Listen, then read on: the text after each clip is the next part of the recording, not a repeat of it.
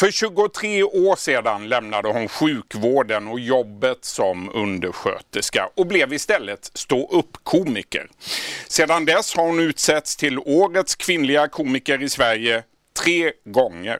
Varmt välkommen hit Ann Westin. Ja men tack så mycket. Tack, tack.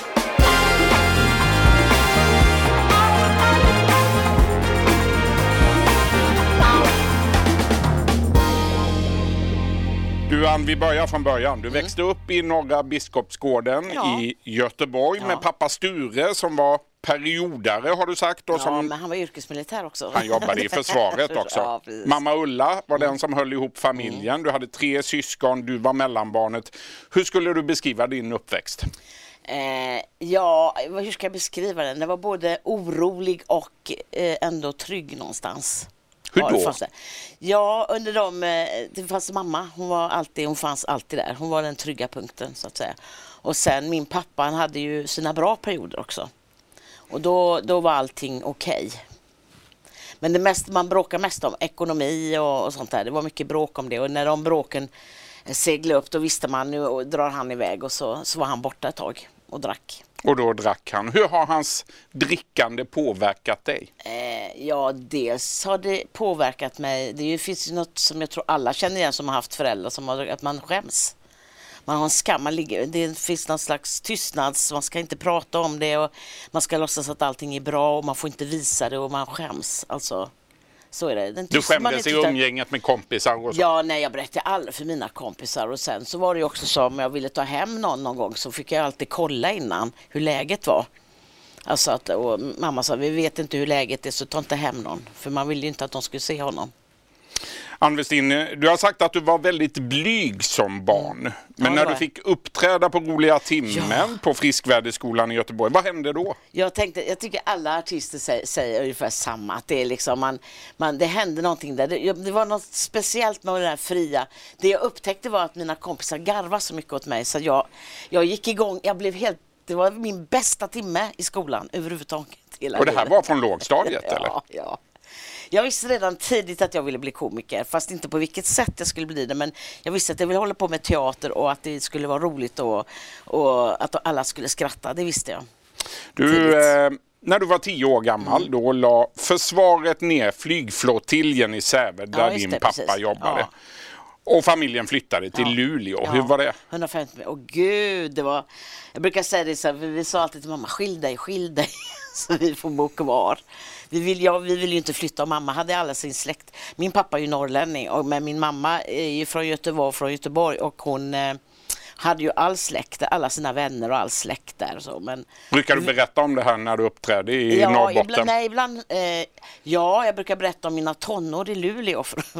alltså det ser ju annorlunda, annorlunda ut idag i Luleå, men då fanns det ju ingenting, vi hade ingenting att göra. Man, det fanns en stor gata och där gick man fram och tillbaka och, vi, och så brukar jag skoja om det vad vi höll på med, att vi tyckte det roligaste vi hade var att gå hem till varandra och svimma, tyckte vi. vi hittade väl på annat också, men just det hade vi, vet jag någon gång, så här, vad ska vi göra? Jo, men vi går hem till dig och svimma. Du var det. 16 år gammal när du bestämde dig för att Ja. dra från Luleå. Ja. Du flyttade ensam då ifrån familjen hem till Jag Göteborg. flyttade ner tillba- tillbaka till Göteborg, ja. Men jag hade, min syrra hade flyttat i förväg, hon var äldre än mig, men hon hade flyttat i förväg så var jag inte helt ensam, ganska ensam var jag. Jag flyttade från alla polare och kompisar och sånt och skulle Hur var det att komma då tillbaka till Göteborg som 16-åring? Eh, Ganska ensamt var det eftersom jag kände mig väldigt ensam och sen var jag ju tvungen att ha ett jobb och då var- man bara, om man tittar idag 16, man är ju bara ett barn. Men då tyckte jag att jag var ganska vuxen när jag kom ner ändå. Mm. Och sökte jobb och fick ett jobb på en plastfabrik när jag var 16. Du som 24-åring sen då, 1980, Mm. då flyttade du från Göteborg till Stockholm och Ja. här har du bott sedan dess. Ja, faktiskt har jag gjort det. Så jag är nästan mer, jag vet inte vad jag ska kalla mig då för många tror att jag bor kvar i Göteborg. Det låter ju nästan så, Ja, men- Mm. Jag har kvar dialekten, min syrra har också kvar dialekt så när vi ses så, och så är vi, är vi ofta i Göteborg. Så att jag tror att det ligger kvar. Mm. Men när Det du är kom till ligger. Stockholm, då drömde Då, du om då att... drömde jag om, ja då var det teatern. Då var det Stå teater, på scen. Ja, stå på scen. Och då fanns det en, eh, något som hette teaterverkstad så jag Mm. har gått på. Och det var en förberedare inför för scenskolan. Så nu kom jag ju aldrig in på scenskolan men jag höll på med teater och jobbade i fria teatergrupper och så på 80-talet. Men pengarna hade räckte inte riktigt till. Ja, vården fanns alltid där. Jag jobbade inom vården sen. Så jag hade det som fast jobb och sen så Mm. fick man liksom eh, försöka ta sig fram. Eller en deltid och så kunde man jobba med teater och så höll man på så där lite fram och tillbaka. Jag vet att du är kritisk idag till hur det fungerar inom sjukvården. Inom och du säger att, ja. ja. Jag tycker landstinget är, ja, om jag ska hur säga var, ärligt, hur var, hur var som arbetsgivare? Ja, sämsta arbetsgivare jag haft någonsin. Varför då? De, Vad var det som de var dåligt? uppskattar inte de anställda. Det är som om det spelar ingen roll om ni fick, det fick man alltid känna. Det har jag hört sjuksköterskor säga nu också att man känner att man, är, man behövs egentligen. Alltså man, man är ersättningsbar. Det, det spelar ingen roll. Det, det är liksom, man har inget värde i sitt jobb. Du jobbade på Huddinge sjukhus Ja. och sen så eh, skulle sjukhuset skära ned och, Ja, och ehm, då rök och då rök du. Du fick ett Tack och avgångsvederlag. lov, säger jag bara. Du fick ett avgångsvederlag och med de jag, pengarna. jag tjötade mig till ett avgångsvederlag. Ja. Att, för jag kände, nej, nej, jag måste lämna det här, kände jag. Det här, det här sjunkande skeppet. Du tog pengarna, anmälde dig till en kurs på Ja, det hade Dramatiska jag gjort innan institutet. jag fick pengarna. Jag anmälde mig okej. till, till en kurs på Dramatiska institutet. Jag hade en, eh, en kompis som är regissör, Eva Dahlman, som jag, eh, som är fantastisk regissör. Och hon hade gått på DI och så sa hon, Ann, det går en ståuppkurs. Och jag hade bara sett på TV det här stand-up på norr, Släng dig i brunnen. Och då sa jag, jag tycker du skulle passa, för vi hade jobbat ihop i en teatergrupp hon och jag. Och hon sa, du skulle verkligen passa som, jag, för jag har alltid varit komediannen och jag tänkte, nej men ska jag våga? Men sen hon tjatade på mig så jag tänkte, ja, jag gör det, jag gör det. Och där så möter och så du kom jag in, lärarna. och där mötte jag lärarna. Adde Malmberg och Babben Ja, Larsson. det var så. Alltså jag var helt, men inte bara det, utan jag gick ju med, i kursen gick också Christer Henriksson. Jag tänka när man kommer från Huddinge sjukhus, står i entrén på, på på Dramatiska institutet så kliver han in och jag bara, och jag bara frågar, ska du vara en av lärarna? sa jag, för jag var helt, jag var, jag var så Du livrädd. möter Becky då? Ja, och, jag bara, och så sa nej jag ska gå kursen och då fick jag så här, oh my god, vad har jag gett mig in på? Alltså jag var helt, helt förstörd. Men sen började vi och då var det direkt, det var inte någonting att sitta och, och, och prata om något speciellt, utan de sa så här, ni går upp på scenen nu och presenterar er på ett roligt sätt. Du vet första dagen, man bara kommer in och så, bara, och så ser man bara en scen, en spotlight och en mikrofon. Och där trivdes du? Och sen går man upp och är- man tror man ska dö och sen så går man upp och bara berättar något roligt. Jag, jag vet inte, jag berättade att jag var undersköterska till hundra gånger tror jag och tjatade om det. Och sen så till slut hörde jag Babben garva och så kände jag yeah. Där är det. Så. Sen gå, gick man där och fick veta hur, ungefär, alltså man lär sig inte att bli komiker utan man får veta vilka trick och, eller hur man kan jobba som komiker och lite tips får man. Och så får man träna lite och sen är examen var på Norra Brunn. Och det gick det hade gått ganska bra på mig på, för, på kursen. Så jag tänkte yeah. Och så gick jag upp på Norra Brunn för första Katastrof. gången. Och katastrof. Jag tyckte alla satt så här. Va? Som fågelholkar. Och jag, jag Man säger vet- att man bombar va? Ja, det kan man säga att man bombar. Men jag hade bara tre minuter. Jag pratade jättefort och jag tror inte de förstod vad jag... Min humor var väldigt skruvad. Jag tror inte de fattade. De bara alla... Va? Men du blev inte avskräckt? Nej, inte då. Jag blev, jag blev mer så här, "Men fasen, det har gått så himla bra. Mm. Så jag kände så här, nej, jag måste ge det, nej, man kan inte ge upp så snabbt. Men sen har jag ju bombat någon annan gång eh, också, men eh, då gav jag inte heller upp, utan jag tänkte, nej, jag, jag ska, jag måste köra på bara. Du, du har haft några tuffa perioder i livet. Vi har pratat om din uppväxt men eh, 2002 då hände någonting fruktansvärt. Eh, då small det plötsligt till i huvudet Ja, jag på fick dig. jättehuvudvärk. Jag stod på scen på Norra Brunn och så kände jag bara hur det, sprakade till i skallen. Jag fick fruktansvärt ont i huvudet. Det kändes som någon nästan har skjutit mig i huvudet. Alltså, det var så, äh, hur det nu känns. Jag kan Ambulans. tänka till det. Och sen var det ambulans till, eh, till sjukhuset. Och där konstaterade man. att eh, jag hade fått en, jag hade aneurysm och eh, det hade spruckit. En Så, då, hjärnblödning. ja, så hjärnblödning. Och då eh, opererade man det och lagade det. Så.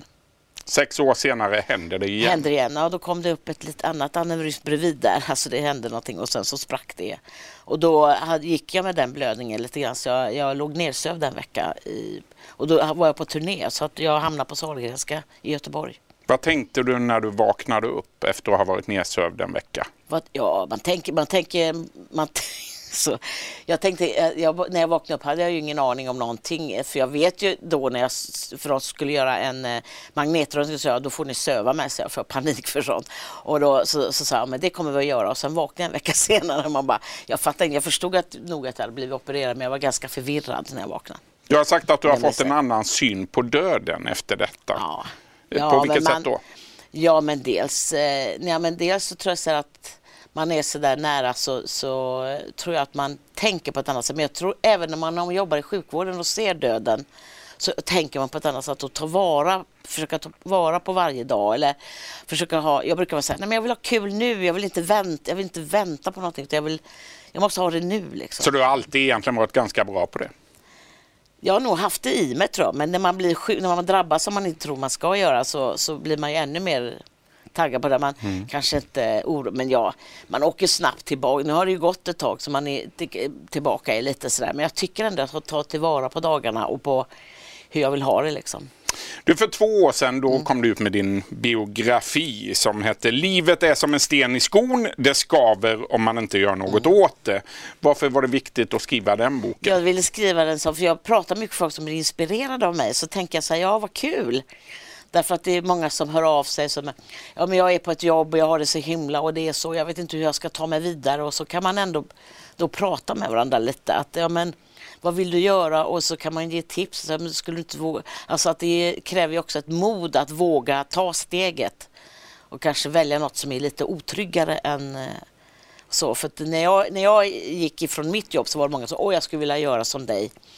Ja men eh, gör det. Så, nej, men jag vågar inte, jag har familj och det hade jag ju med. Men det är modet att våga säga, men jag vågar satsa på det, då ska jag satsa på det ordentligt. Och så och så. Vad fick du för reaktioner på boken? Då? Eh, jag har fått väldigt mycket bra reaktioner av mycket kvinnor framförallt, framförallt som har tyckt liksom man är inspirerande och att man känner sig ja, och så får de veta lite om mig och så där. Hur jag går. För vägen är ju, det är ju min väg fram till det jag ville göra i mitt liv. Där jag det... hamnar rätt så att säga. Mm. Det är intressant det du säger att det framförallt är kvinnor som har reagerat och varit positivt mm. inställda. Jag tänkte fråga hur, hur är det i stå upp-branschen idag? Är det mm. svårare mm. att vara kvinna i den branschen nej, än att vara man? Eh, jag tror att eh, Ja, en del skulle nog säga att det, att det är svårare. Att det är liksom så. Men jag, jag har ju sett utvecklingen att det är mycket fler tjejer som håller på idag. Och är väldigt duktiga. De är unga också. Så var det inte när jag startade. Då var det inte den då, då var det då, du och Babben och ja, någon lite, till. Vi var några fler. Men, men eh, det var inga un, inte så unga som det är idag som är liksom kring 18-19 och som vågar. Vad beror det på då? Att de, ja, att de har sett att det går, funkar, att det går, att man kan göra det och så. Och sen är det ju en tuff bransch att vara i överhuvudtaget man som kvinna. Liksom. Det är tufft att vara där. På vilket och sätt sen, är det en tuff bransch? Ja, men, att ta sig, men det är hela artistbranschen, så att ta sig fram och få det, för många vill ju ha det som jobb och det, det krävs, man kan ju ha det som en fritidssysselsättning, alltså att man bara kommer. Men att leva på. på det är men svårt? Men att leva på det är, det är svårt som i alla yrken, att man måste hitta vägarna och så och, mm. och, och det krävs en enorm envishet. Ann Westin, du har verkligen hittat vägarna tre ja, gånger. Ja, men jag har kämpat också ska jag säga. Ja, det är klart att det, har tagit tid och det är liksom, många tror att många frågar mig så här, ja när började du, som har hållit på ett litet tag så där, att när börjar man få jobben och så. Nej men man får kanske, man, man får inte jobb så utan man får själv vara aktiv och försöka hitta klubbarna och göra allt det där. Det är ett, det är ett jobb som ska göras helt enkelt för att komma dit man vill.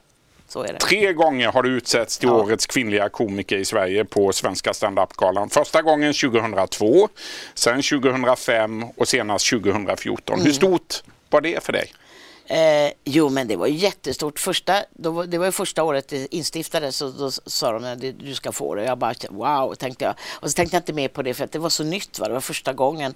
Så, och så hörde ju, började, började de höra av sig lite från tidningar och så där. Och sen så Andra gången då hade det blivit lite större så då, fick man, då var det lite mer omkring det. Så, då kände man så. Men 2014 var nog störst för mig för att jag visste inte att jag skulle få, alltså jag visste innan på de där att de hade ringt och sagt det är du som ska få det. Men den här gången var det nomineringar och har jag för mig. Jag visste inte vem, vem, ja det var nomineringar.